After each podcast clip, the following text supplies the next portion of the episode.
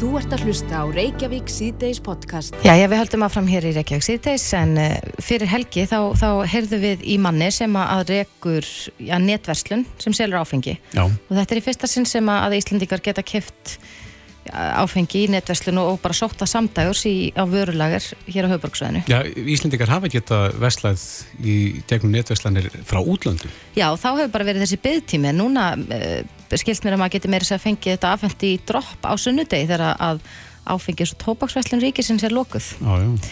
En uh, já, átífaferð ætlar aldrei að reyna að, að fá þessu hnægt að þetta sé yfir höfuð hægt en hefur nú hafið undirbúninga að beðinu um lögban á vefverslunum með áfengi hér á landi sem eru ekki á vegum átífaferð. Já.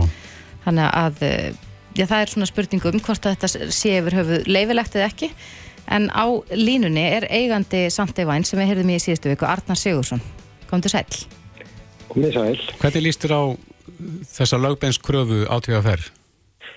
Já, sko, náttúrulega hún er reyndar ekki alveg komið fram þannig að þeir nú bara búin að virkilegt okkar að kynna það svona fyrirfram að þetta sé nú bara í skoðun en ef hún kemur þá er þetta náttúrulega bara einn sérstök aðferð náttúrulega til þess að kjappa í, í stundarsamkjöfni að, að hérna gera það með hérna málarekstri en ekki með því að keppi verðu með þjónustu sko.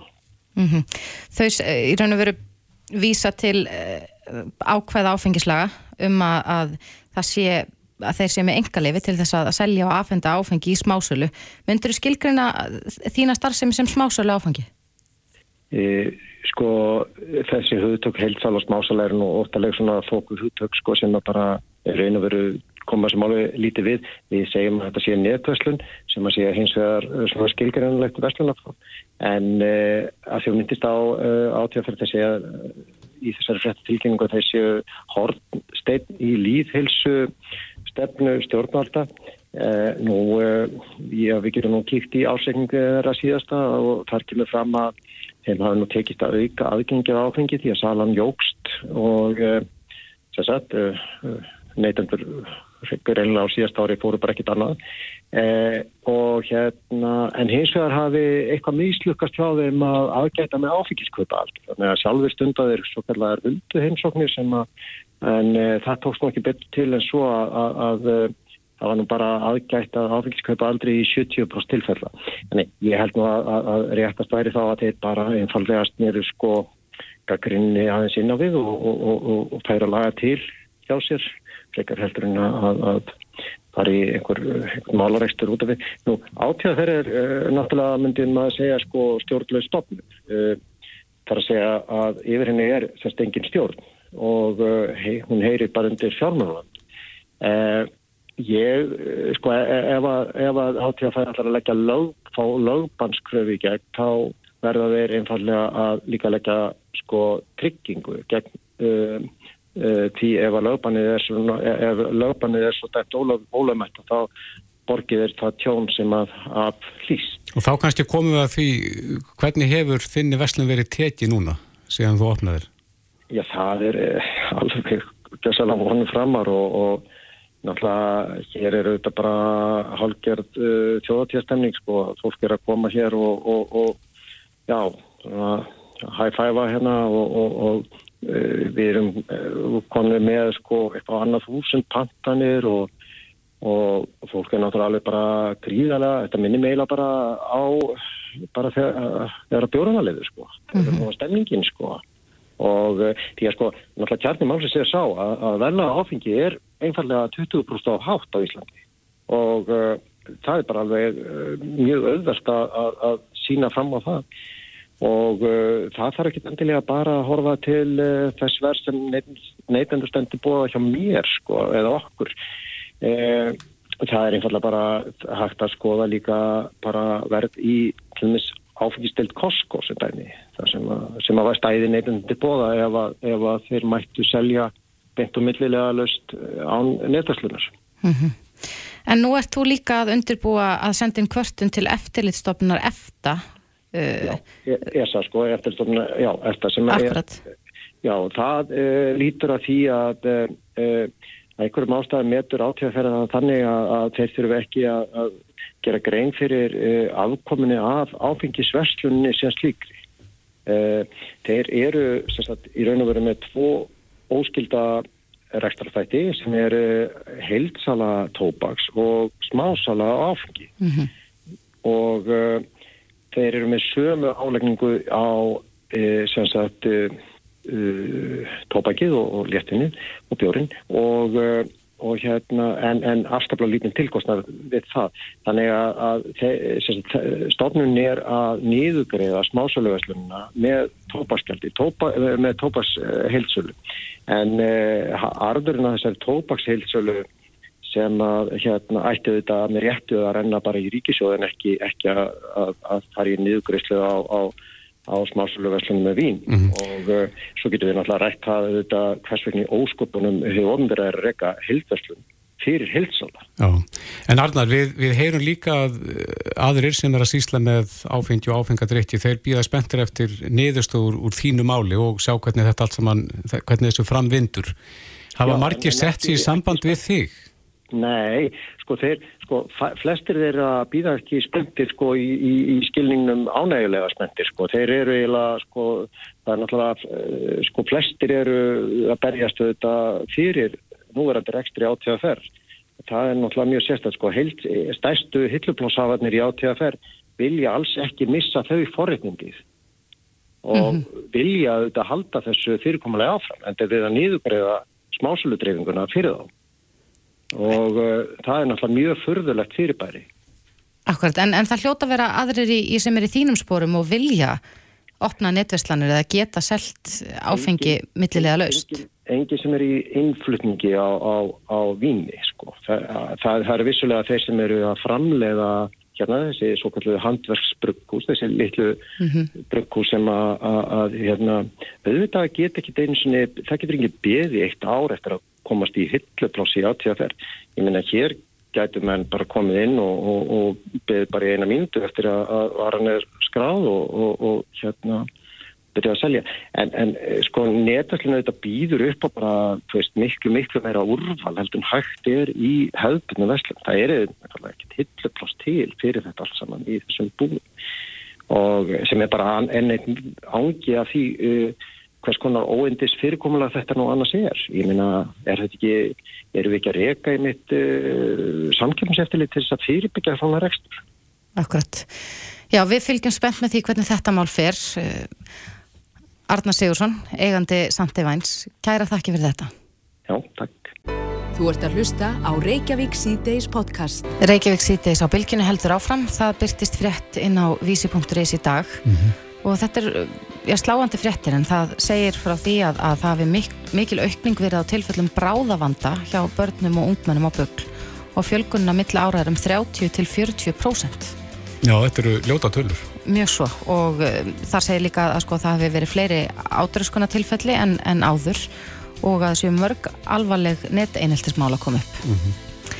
Á línu hjá okkur er Björn Hjálmarsson, hann er sérfræðilegnir á barna og úlingageðdelt landsbytalans, kom til sæl. Já, kom til sæl. Er hægt að rýna eitthvað í þessar tölur Björn og, og, og reyna að já, festa fingur á það hvað veldur þessar aukningu? E, já, við, við vitum það ekki, það hafa engar rannsóknir farið fram á því en, en sem sagt hér í umræðum innan hús hefur uh, komið á daginn að Við teljum að bankakreppan hafi haft tröflandi áhrif og við séum ekki alveg búin að taka út e, þá nignun á, á líðheilsu sem að hún olli. Síðan er náttúrulega COVID-faraldurinn búin að vera okkur öllum þungum í skaut, þungur í skauti og allar þessar frábæru sóttvarnar aðgerðir og með einangrun og óreglu og skólastarfi og þess áttar þetta hefur klárlega haft trublandi áhrif á okkar viðkvæma skjólstæðingahóp. Já, en þú nefnir Björn bankakreppuna og bankarhrunið. Já. Ég veit að kannski margir sem að kvá núna og af, af hverju telja að, að það sé að stíla sig núna og að hvaða leiti? E, við höfum rætt í okkar hópi að e, niður skurður á stóðþjónustinni, ekki hvað síst í skólunum, hefur aldrei verið að fullu bættur og við viljum sagt, stóðgreinar eins og talmennafræðingar og þess áttar að þeir hafa ekki haft undan og ekki náða að sinna sínum skjólstæðingum kannski alveg sem skildi. Sérkensla í skólum er gríðarlega mikið líðheilsu mál því að þau börn sem þarnast e, þeirrar þjónustu þau e, hérna, það, það kemur niður á geðheilsu þegar þau fá ekki nægan stuðning. Mm -hmm. En viljið þið sjá breytingu á þessu? Er, er, er hún verið kallað eftir því innan ykkar geira að það verði bætt í þessa stóðþjónustu sem að tekinu var af eftir hún? Já, við, það er ákall hérðan um að stóðþjónustan verði aukin aftur til samræmis við það sem var fyrir eh, bankakreppuna og eh, en, en við erum svona e, við sjáum náttúrulega ekki alla þá stórkostlegu stór, stórkostlegu ungmenni sem er að standa þessi svo hetjur þarna úti en það sem við sjáum er að, að okkar e, bráðleikin í málum hér er að aukast og málin er að verða floknar og starri heldur en við sjáum áður mm -hmm. Það, það er tekið fram þarna í þessari frétt að, að ádraskuna tilfellum hefur fjölgat til muna. Hvað, hvað veldur því, heldur þú? Við vitum það ekki en uh, í okkar hópi höfum við rætt um að þetta geti hugsanlega verið áhrif af mikill í notkun á samfélagsmiðlum.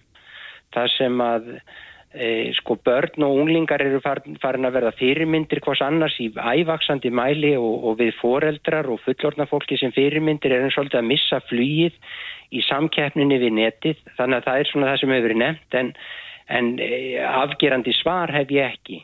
En þetta er bara þessi aukning sem við sjáum. Já, en, en þú telur líka þessi mikilvægt að vera rannsakað hérlandi hversu mörg börn eru haldinn eh, svona tölvu fíkna vegna þess að skjánótkun hefur eh, já, aukist verulega á undarfærdum árum? Já, við, við, sko, við höfum haft áhyggjur af því að uh, þetta er auðvitað frábær tækni og hún hefur gert líf okkar um margt auðveldara en uh, það sem við sjáum er að þessari færni hefur, þessari tækni hefur fleikt miklu hraðar fram heldur um færni okkar til að umgangast hana og við hefum miklar áhyggjur af e, mikill tölvuleikja spilun hjá drengjónum og svo eins að það séu sagt, samfélagsmiðlarnir hafi verið markaðsettir fyrir allt og ungan hóp. Ég tel að börn þurfa að vera orðin 13-15 ára gömul til að geta borðið ábyrð á samfélagsmiðlanótkun en, en eins og dæminn sanna þá er þessi nótkun komið langt niður fyrir þau mörg. Mm -hmm. Ertu með ykkur ráð til fóraldra sem eiga kannski erfitt með að ná börnunum sínum úr þessum tætjum og upplifa kannski ykkur skapásaköst eða ef að tætjin eru tekinn af þeim? Já, ég myndi segja að hérna, opið samtal við börnin um að þetta sé gagleg e, tæki þau eru frábær aftreying þegar þau eru notið í hófi en þegar er komið í mikið óhóf og barni kannski gerir ekkit annað en að vera í, í skjáttíma og, og í rúminu að þá getur vandin verið orðin svo stór að það þurfa að leita til fagaðila áður en er gripið til ráðstafan að takmarka notkunnina mm -hmm. því að eh, það, það, það er svona þetta er bara eins og ég segi frábær tækni og hún nýtist okkur flestum vel til aðfreyingar en þeir viðkvæmustu geta orðið mjög háðir enni og það er þegar að barnir orðið háð mjög háð þessum tækjum að þá getur þurft faglega aðstóð til að vindu ofan að þeim vanda. Mm -hmm. Fáðu þið já, mikinn fjölda af börnum til ykkar sem að já, eru haldinn svona skjáfíkn?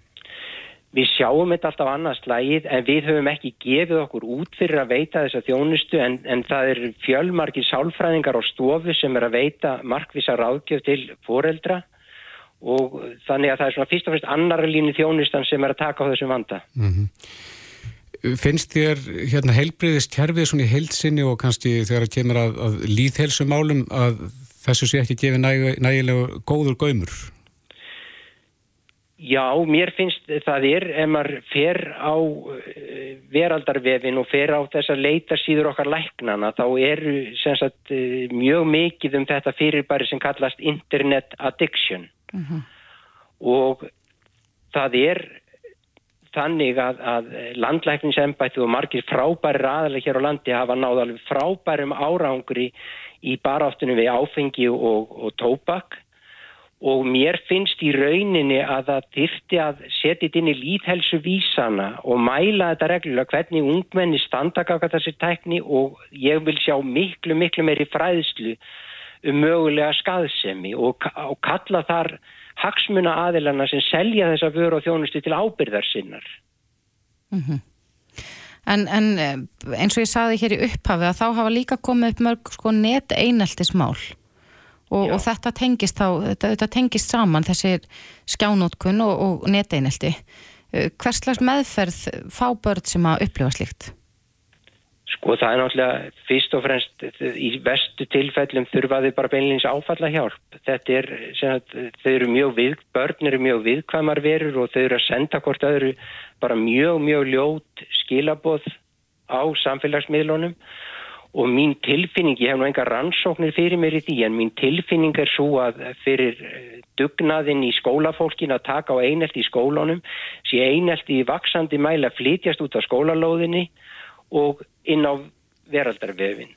Eitt af því ljóta sem við sjáum er að gerendur í eineltismáli stopni hópa sem heita non-toxic þar að segja þar þar allir heilbriðir og þeir eru ekki eitraðir þeim hópi og, en þólandi eineltisins, hann er skilgreindur toksik eða eitraður og þetta hef ég, ég hef nokkra einstaklinga haft í mínu samlagi hér á bugl sem að hafur sárnað þetta alveg sérstaklega. Mm -hmm. Og þetta er þá bara eitt form af einelti? Þetta er raunin bara form af einelti sem er þá komið af skólalóðinni yfir á netið. Akkurat, en þú talar um, um sko, uh, skólana og, og hvernig hefur verið tekið á einelt á, á skólalóðinu til dæmis. Er það mm. Uh, foreldrana að fylgjast með að, að svona lega eigi sér ekki staði í, í símunum hjá börnum? Ég held að það sé, uh, auðvitað er ábyrð foreldrana mjög mikil og ég held að allir foreldrar þurfa að eiga í opnu og, og, og svona frjálslegu tali við nei, við börnin sín um það hvað þau sé að aðhafast á netinu og eins að gera við þau samninga ef þau fá eitthvað ljótar hverjur eða eitthvað misjant að þau láti mömmu og pappa vita. Mm -hmm. Því að það er, það, það er mjög dýrmætt og það þarf að grýpa inn í og, og, og stundum er þetta svo ljót mála þau heyra bara undir uh, laurugluna. Já. En það er vonandi að eh, landleiknarsembættið uh, hlýði þessu kalli sem að, sem að þú ert að, að gefa núna og, og setja þetta í það minnst inn í þessa líðhelsu vísa sína og kanni málið. Já, Björn, það var í mín ósk. Já, Björn Hjalmarsson, sérfæðilegnir á barna og ungleika getild landsbítalans, kæra þætti fyrir spjallið. Jú, gerðu svo vel. Hlustaðu hvena sem er á Reykjavík C-Days podcast. Við rákast á grein eh, inn á vikublaði.is það sem að Egil. Egilson eh, skrifar um ferðasömari síðasta mm -hmm.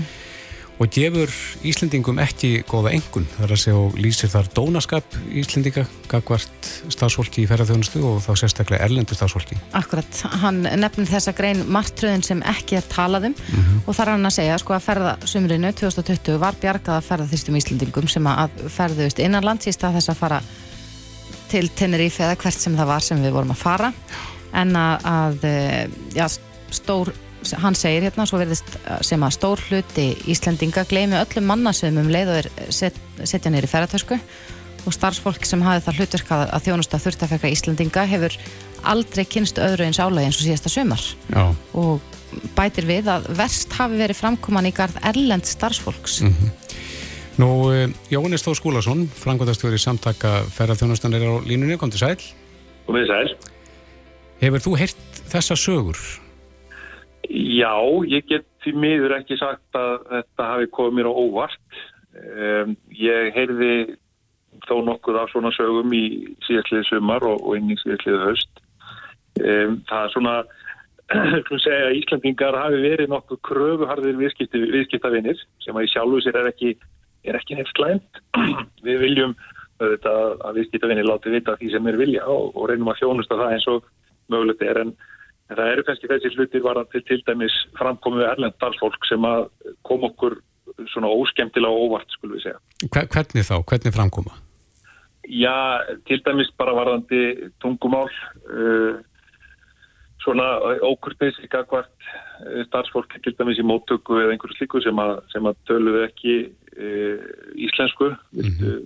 þurfa að tala ennsku sumt af þessu fólki, ég að söguna til dæmis veit ég að, að hérna sem að ég heyrði fyrir sögumar snýrust að fólki sem að er með langa ferðamála mentun erlendis frá, ég vil reynslu úr, úr allt upp í fimmstöfnu hótelum erlendis, mjög fag, faglegt fólk og að vera lengi í fæinu mm -hmm. en, en fekk eh, ég vil skunum segja afar, vondið bröð frá, frá íslenskum viðskiptavinum fyrir það eitt að, að tala, tala ekki fullkomna íslensku Þetta er náttúrulega aðrið sem við höfum lagt náttúrulega heil miklu áherslu á og fyrirtæki leggja miklu áherslu á og mikið af okkar góða erlenda starffólki leggur mikið á sig að læra íslenskuna en það er ekki alveg auðvastungumálinn sem við vitum en um, þetta var til dæmis slutur sem að koma upp aftur og aftur síðastli sumar og, og allir, já, bæði leiðendum og sárendum hjá starffólki og, og, og stöðunum mm -hmm. um, Ímislegt annað svona varðandi já, kröfur kakvart morgunverði og fá að halda herbergjum lengur uh, mæta seint uh, og gera ráð fyrir að beðiði eftir þeim og svo framvegist. Það er ímyndilegt svona sem að, sem að menn komast að því að Íslandingar eru ekki alveg kannski uh, vanir í að ferðast hér innanlands og, og einhvern veginn nálgast það kannski svolítið öðruvísi sumi hverjir heldur en heldur en hefur ferðast. Það segir hér að verið dæmi um að Íslandingar hreyðru um sig á hótellobbyum með sínar eigin áfengisbyrðir djömmuðu fram í róða og virtu að vettu öll tilmæli starfsfólks. Um, ég ferðast nú sjálfum um, um uh, landi síðasta sömar og, og ég held að við Íslindikar margir hverjir höfum gaman að partjum. Uh, fenguði mikið að kvörtunum þess efnis að það var mikið partistand? Ekki beinins kvörtunum, kvörtunum, vegna þess en, en uh, ég, ég heyrði nokkra svona sögur já líka þar sem að það sem að íslenskir hópar sérstaklega uh, voru að koma með til og með inn á veitingahús eða í afturrengu á baðstæði til dæmis það sem að þeir fengu síðan drikka og eftir eitthvað slíkt og, og voru síðan að bera inn eigin áfengisbyrðir inn á veitingastæðin. Þetta er náttúrulega eitthvað sem að, sem að við gerum almennt ekki þegar við erum til dæmis á, á veitingastæði í útlöndum eða, eða skreppum út að, að borða á fyrstutaskvöldi. Uh, þetta er náttúrulega uh, í rauninni bara óvirring við staðin og þjónustunum sem það er selv. Það er ekki það að því að fólk kaldi parti en, en uh, þegar fólk er á, á stöðum þar sem verður að selja uh, hérna veitingar þá, þá er það svona óskrifuð skurt þessi regla menn men, uh, býði þá að mynda kostum leiði og, og fari síðan eftir því hvort ég neitt að hjáta. Það var nokkur misbrestur á þessu, ekki bara á hótelum eins og segi, heldur líka á, á aðfengastöðum sem að það kom upp þannig að já, það var ímyndilegt svona sem að, mm. sem að hóði miður upp á. Það segir hérna í greininni sinni að neyjall að uh, yfirmenn uh, hótel á veitingastað hafi ítrekka þurft að veita grátandi starfsfólki sínu áfallahjálp eftir vaktir. Þetta er ekki, ekki skemmtilegt að lesa svona. Nei, þetta er afar leiðinett og, og þess að ég verði miður að segja að sko sumar af þessum sögum sem að mér voru sagðar í sögumar á ferðum mínum um landið þegar ég var að hitta okkar félagsmenn og fólk í ferðjónustinni það er voru bara afar neikvæður og leiðilegar. Og, og ég, þess að kemur þetta eins og segi, mér miður ekki á óvart að þetta skulle vera að skrifa svona vegna þess að þetta er alveg í takti við ímsa sögur sem ég heyrði í síðastlið sögumar af því þessum fólk gekk bara allt og allt og langt bara í svona almennum samskiptum sko. Var þetta sjálfgeft eða erum við bara dónar svona upp til hópa? Ég skulle segja að þetta sé of, þetta er of algengt. Uh, ég veit ekki hverjur um að kenna hvort við nálgumst ferðalög á okkar eigin heimaslóðum öðruvísi heldur en þeir eru fyrir meðlendis mm -hmm. eða, eða hvort einhverju öðrum um að kenna við að minnstakosti vil ég segja að, að ég held að við eigum, þetta síndi okkur í ferðarþjónustunni að Íslendingar svona sem samfélag getur bætt okkur til dæmis í framkomu við eh, okkar samborgara sem eru á Elendurbergi brotnir og, og kunna ekki tungamáli okkar fullkomlega. Mm -hmm. Það er alveg klárlega eitthvað sem ég sé að við þurfum að, að bara hísja verulega upp um okkur með og það er eflust ekki bara í ferðarþjónustu, heldur um allt samfélagi. Ég held að, að við verum átt okkur á því að að samfélagið er einfallega ekki ja, eh, einsleitt og það var fyrir einhverjum tökum ára síðan. Nei. Hér erum við með fullt af góðu fólki sem hefur valið að, að búa hér og, og, og er að leggja tölverst á sig til þess að vera góði borgarar í samfélaginu og, og læra okkar síði menning og tungumál og ég held að við skuldum bæði sjálfum okkur og því fólki að, að koma fram hvort við annaða virðingu og haga samskiptanum eftir því. En uh, Jóhannes, í kannski þetta alvarlegri tilvikum af, af svona dónaskap, uh, hvernig, hvernig er bröðist við því? Hvernig bregðast ja, þjónustu aðalatnir, fólkið í ferðarþjónustunni við svona framkomi? Það er náttúrulega allur gangur á því, væntanlega eftir því hvernig, hvernig aftökin eru. Í heldina litið held ég að fólk bregðist nú við, minnst minni reynslu, Eh, eins og fólk í þjónustu störfum bregst almennt við þegar það þarf að þjónusta gröfu harða viðskiptafinn eh, menn reyna að, að sletta úr þeim misfellum sem að hafa orðið á, á milli hvort en það er í samskiptum með þjónustunni. Eh, hins vegar er það alveg ljóst að, að eigendur og, og, og rekstraðaðilar þeir standa með sínu starfsfólki ef að yfirgangurinn er fullkominn.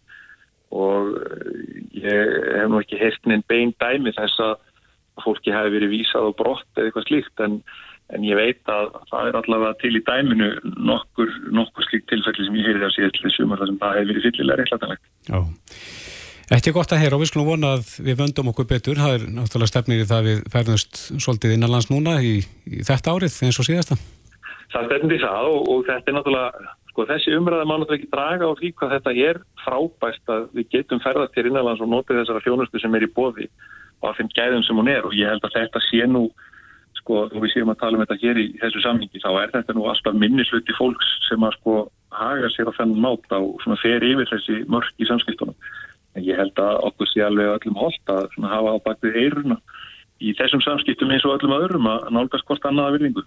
Já, Jóhannes Þór Skúlason Frankóttastjóri samtaka ferðjónustunar Kæra þakki fyrir þetta. Takk. Reykjavík síðdeis á bylginni Reykjavík síðdeis, eh, það hefur verið mikið atvinnuleysi og met atvinnuleysi núna mm -hmm. í mhm. þessu COVID ástandi, það sem að ferðarþjónastan hefur nú fengið stastast stjallin. Já. Eitthvað verist nú vera að rofa til samt, ferðarmenn eru fannar að streyma hinga til lands í auknum mæli. Já, það er ánægilegt. En eh, já, eitt af því sem var gripið til hálfgerð við spyrna mm -hmm. við þessu COVID ástandi er uh, átak sem heitir Hefjum störf, en, en þetta er... Uh, já, átak sem er til fyrirtækja félagsamtaka stopnuna og sveitafélaga mm -hmm. og þetta er þá bundu við atvinnuleitendur sem hafa verið ánvinnu í að minnstakosti 12 mánuði. Mm -hmm. það er svona eh, reglan í þessu að, að fólk þarf að hafa verið atvinnulegst í, í 12 mánuði til þess að geta tekið þátt í þessu átaki. Já, Unnur Sverrisdóttir fórstjóri vinnumálastofnunar er á línunu, kom til sæl. Já, komið sæl. Hverjir, hverjir geta ráðið fólk af atvinnuleysi skrá? Það geta bara allir atvinnureikandur eh, lagt inn störf hjá okkur og óskað eftir, eða lagt inn störf sem að atvinnureikandur sjá og, og skoða og, og sem betur fyrir þá er alltaf fleiri og fleiri sem að sækja bara um sjálfur. Já. Eh, það er ekki alveg rétt um konu fram í eingangnum, það þarf ekki, það er ekki skilir að hafa verið tól mánuði á atvinnuleikarskrá, það, það þarf bara að hafa verið einn mánuð á atvinnuleikarskrá til þess að geta ekki nátt í átækinu já, já. en þá er ráningarstyrkurinn lægri, það er harri styrkur með þeim sem hafa verið lengur það er, það er líkur munurinn mm -hmm. En geta ofinbæra stopnarnir eh, fengið þennar styrk frá ríkinu?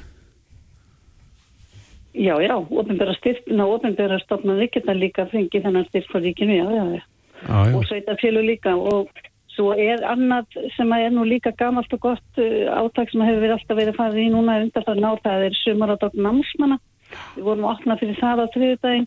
Hér ofinbæra hefur nýtt sér það meira en er, er það ekki opið almenna markaðanum heldur það bara eh, hér ofinbæra sveitafélag og núna frjálsfélagsamtök. Mm -hmm. það, það, það eru svona starf sem er þetta á séfsniðin af námsmönnum á milli anna. En hvernig þetta, þetta átak hefjum störf, hvernig Já. hefur uh, það gengið? Eru margir sem að hafa, eru nú verið skráð störf hjá ykkur? Það hefur bara gengið alveg ótrúlega vel sko. Það var uppaflega lagt á stað með það að markmiði var að reyna að ná 7000 störfum og það eru nú þegar komin 6700 störf, mm. næstu 6800 í dag. Greið, greiði þið hlut af... Ráðningarnar eru orðnar sko 1711. Já, já. E, greiði þið hlut af laununum eða... Já, það er náttúrulega, nei, við greiðum, styrkurinn er annars vegar grunnbæturnar sem eru ykkur 300.000 inn og svo er það með þeim sem eru hafa verið lengur á atvinnlýsaskrá þá er það e, með að við tekið tengdar atvinnlýsbætur sem er 472.000 mm -hmm. þannig að þetta það, við greiðum styrk upp í launin Akkurat. Það er alltaf skild að greiða laun samkvæmt kjærasamningum. Það má aldrei greiða læri laun þetta En þetta er myndalegu styrkur upp í launakostnaðin og upp þess borgur við 11,5% í mótframlega í lífeyrissjóð. en unnur hvers slags störf eru það sem að, þú talar um að þetta séu 6700 störf sem að, hafa verið skráð. Er þetta í öllum geirum eða er þetta bundið við eitthvað eitt? E, þetta er alveg í öllum geirum en þetta er náttúrulega, þau eru að koma fyrst inn störfin sem að fóru fyrst út. Þau eru tengt ferðarþjóðlustinu, þetta er veitinga, e, veitingastæðir og þetta eru hótelinn og þetta eru farfægaflutningar og svo er bara ímis þjónustustarfsemi, sérfæði þjónusta, fastegnasölur, fiskvislar, fiskveiðar, þetta er bara fjármálutryggingar, þetta er bara úr öllum kemum en flest störfin eru koma frá ferðarþjónustu fyrirtækjum og skildum greinum mm -hmm. veitingaþjónustun og svona. En, en En- ofinbjara stofnanir sem eru að taka þátt í þessu, hvað, hvaða stofnanir eru það? Það eru bara allar mögulegar ofnir stofnanir sko. Það er bara, eru með störf kannski fyrir að manna störf og, og hérna leggja inn störf hjá okkur. Alls, alls konar bæði sérfræðistörf og svo almenn störf. Mm. Það eru allar ofnir stofnanir. Og hvað, hvað er þetta langur tími sem að fólk getur ráðið sér í vinnu? Styrkurinn, styrkurinn er til sex mánuða.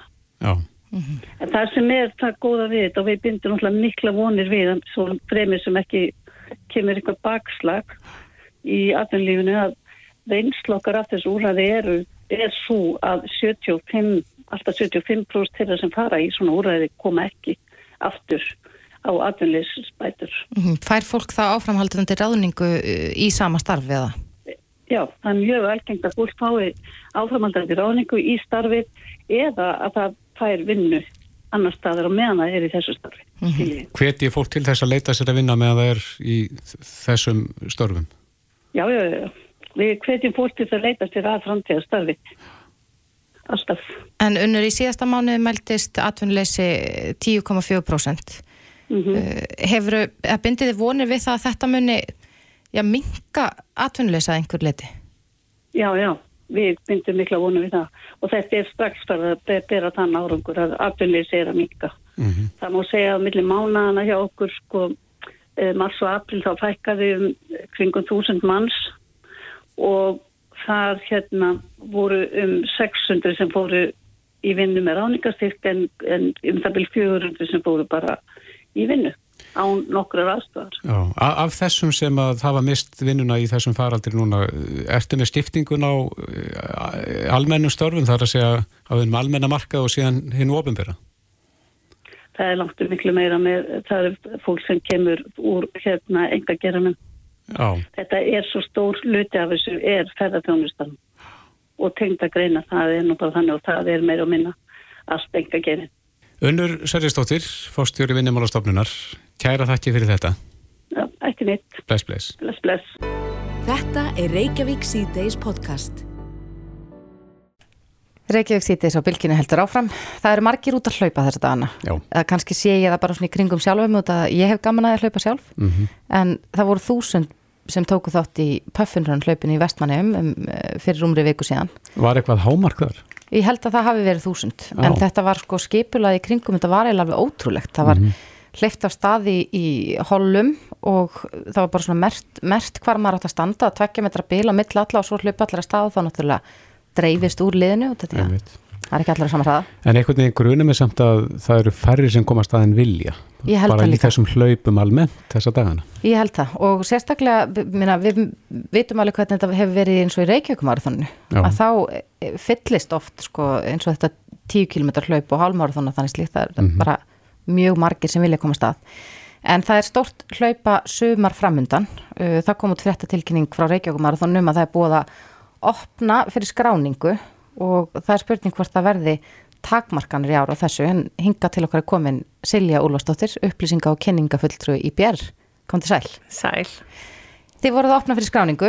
Já, vorum að opna í skráningu á hérna hlaupastyrku.is þannig að núna getur fólk sem sagt skráð svo að byrja að sapna. Já, Það var opið en við vorum kannski ekki að hafa hátt með það því að við vorum svolítið að býða bara eftir hvernig hlutinu þróast. mm ég meina nú er búið að gefa út að verði þjóðþáttíð, þar munum margir koma saman í eigum. Stefnið á að, að, að marathoni verður nokkuð óbreytt frá Við- fyrri árum. Við, það, verður aðeins breytt og við erum, við erum svona stíga valega niður því að við náttúrulega bara viljum geta ráði við aðstæðina sem koma upp mm -hmm. og eins og stanu núna þá erum við með 500 manna hól og alveg mörg hól fyrir hverja vegulengt eða svona sérstaklega fyrir 10 kílometruna því að við, hérna, já, sem við vonandi getum svo bara stækkað enn meira en við bara viljum byrja þarna og svo bara vonandi ná að blómstra meira þegar líður á sömarið. Hversu margir munu geta tekið þátt?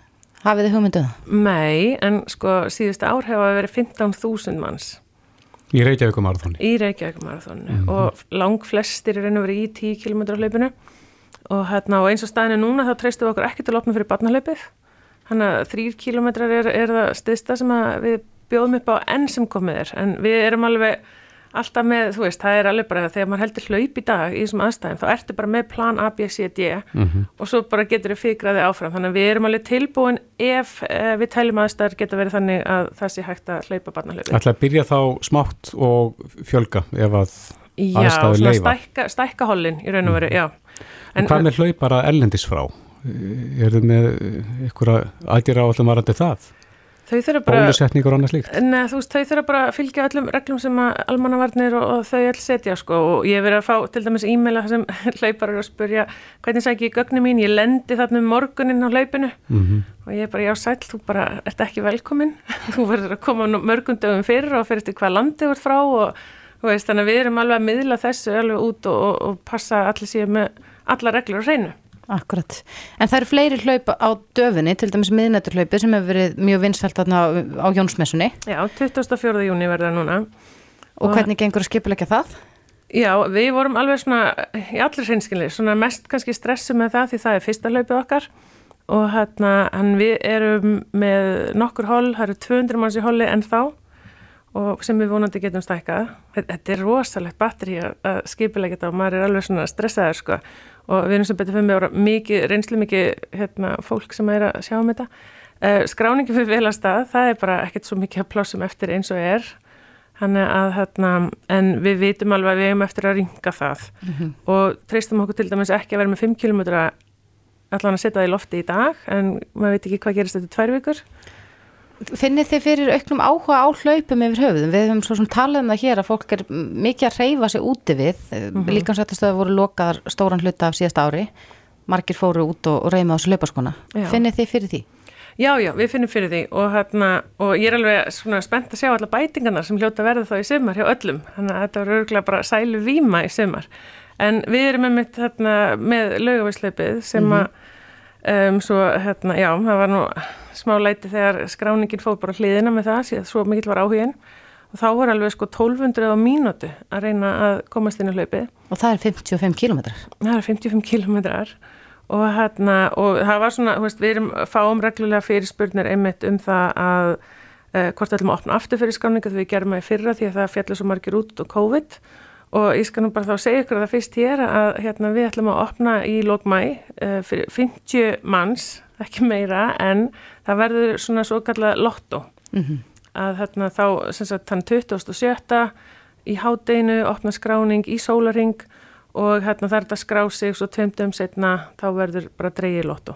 Ja, þannig að mögulega getur 1200 skráð sig í pottin og þeir munir þá draga 50. út 50. Já en já, og það var bara allt og sumt sem við gátum og tristum okkur að bæta við með við hverju voru bara detta út og við þurftum auðvitað að tala við hérna, fríska flóamenn og fleiri til þess að bara svona eiginlega sjá hvað aðstæði við getum búið fólkin upp á því það verður allir að vera öryggir sko. Mm -hmm.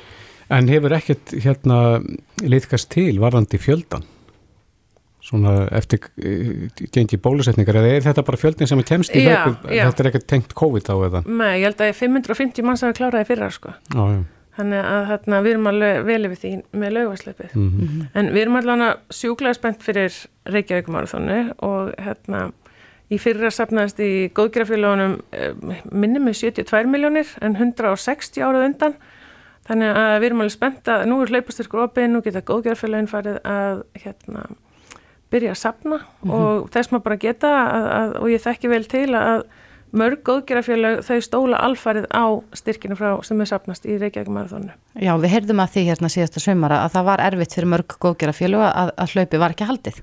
Já, þannig að við vorum alveg að reyna að svona, gera eitthvað og vorum alveg nokkuð ánað að koma 72 miljónir inn til mm -hmm. góðgerafélagana og hérna vonandi verður bara sett í þess, á þessu ári sko en, en, og það er alveg 20% afsluta núna í Reykjavík marathónu út mæ, mm -hmm. þannig að vonandi bara skrásið sem flestir en já Hanna, já og svo meiri segja það út að það eru svo mikið af svona alls konar svona þú veist hluti sem við þurfum huga að það er aðeins leifilegt að skrá sig í eitt hlaupa reykjaðegum ára þannig og ástæðinnes eða þú veist það er bara út af því oft hlaupa hlaupir fólk 10 km og svo 3 km eða barnahlaupi með börnunum sínum mm -hmm. en nú er það því miður ekki bóði. Já þannig að þú getur ekki hlaupið með, með barnunin og farið svo í. Nei út af því við megum ekki blanda hópum. Mm -hmm. Þannig að kannski breytist það þegar nærdreigur ég veit ekki en svona eru allan að regluna sem að við verðum að vinna með í dag. Mm -hmm. Já, það er greinilega mörg kornalita. Silja Úlvarsdóttir, upplýsinga og kynningafulltrú í BR. Við segjum bara gangi ykkur vel. Já, takk fyrir. Reykjavík síðdeis á Bilginni podcast. Það er mikil spenna fyrir Eurovision, kannski mest að spenna núna er hvort að einhver annar úr íslenska hópnum greinist með, með COVID en einn íslendingur hefur greinst með þennan sjúkdóm. Akkurat. En það kom í fréttum í dag að Þórlu Guðnarsson sóttvarnalækni segir að beðni hafi borist frá ríkisútvarpunum að bólusetja Eurovision faran áður en þau fóru til Hollands. Já, Holland er nú há áhættu sveiði held ég. Já, og Þórlu svaraði þessu og sagði að, að sóttvarnavöld hafi orðið við þessari uh, fyrirspurn mm -hmm. og að um, já, það verið að senda fólk að núta á vegum Íslenska ríkisins þar sem er mikil útbreysla. Já, en Gunnar Bræði Sveinsson, þingmaður miðflóksins, uh, gaggrínir þetta meðlans á fjöspókarsíðunum sinni, góndu sæl. Því komið sér á þessu. Finnst þér þetta eh, raung forgangsröðun? Ég, það sem ég var nú bara að segja þarna að það er semst til miður ennþá fólk sem býður eftir að fá bólusetningar, fólk sem er með bara undarlíkjandi sjúkdóma, har með marga hverja, hver og einn og uh, þannig að ég veldi bara fyrir með forgangsröðunin í þessu öllu saman. En þú veist að samanskapi er nú búið að færa ákveðt rauk fyrir því emmittónin á Facebook síðunum minni hvers vegna uh, þetta hefur átt að lefa þetta og uh, geta alveg tekið undir það það er ákveður rauk fyrir því svo. en ég veldi líka fyrir mig að þetta er allt svona ógæksætt sko. hversuna fær þessi hópur undan þá en ekki einhver annar Vist, ég, ég meina snýst þetta um það að, að um, þetta er ríkið að óskæftur í við ríkið að, að fá undan þá mm -hmm. En hvaða óljóst, sko. En Gunnar Brei, hvaða rauk eru það sem að eins og þú segir komið fram á, á fjersbókarsíðu þinni? Ég, það er náttúrulega bara eins og, eins og sagt og rétt er að þetta er náttúrulega svo sem vinsalt sjóasefni og það er margir sem fylgjast með þessu og, og við, náttúrulega menningar hérna viðbörðir og tala um söngvarar og tónlistum en það er stitt okkur stundir í þessum COVID-rugdu allir saman og við sjálfsögum að þakka fyrir það en það breytir ekki að sko það við fíkur svolítið í mann þegar maður veit að það er fólk sem maður býður eftir og hefur ekki kannski fengið skýningar að því hversan það fær ekki bólusetningu sko. Heldur þessi reyði í þessum hópi? Þegar það heyri svona fréttir? Ég veit það ekki, ég er ekkit endilega viss um það, ég veist það eru sko þjóðin yfir að fer í einhvern ægilega júravísum gýr sko þannig að ég hugsa sem kannski flestir ánar að fá efnir skjáinn en ég veist bara alveg sjálfsagt að það sé ekki aðtíkla á þessu þessi gagnind af því að þetta er ekkit augljóst hvernig svona ákvarðinu teknar. Nei. En það er svona ákveðin forgangsröðun sem hefur verið og þeir sem að veru til dæmis í, í hérna, störfum sem að sem að kallar á það að, að fólk sé bólusett, lauruglumenn, sjúkraflutningamenn og aðar í slíkir, flugfólk hefur tekið fram fyrir leikskólakennarar.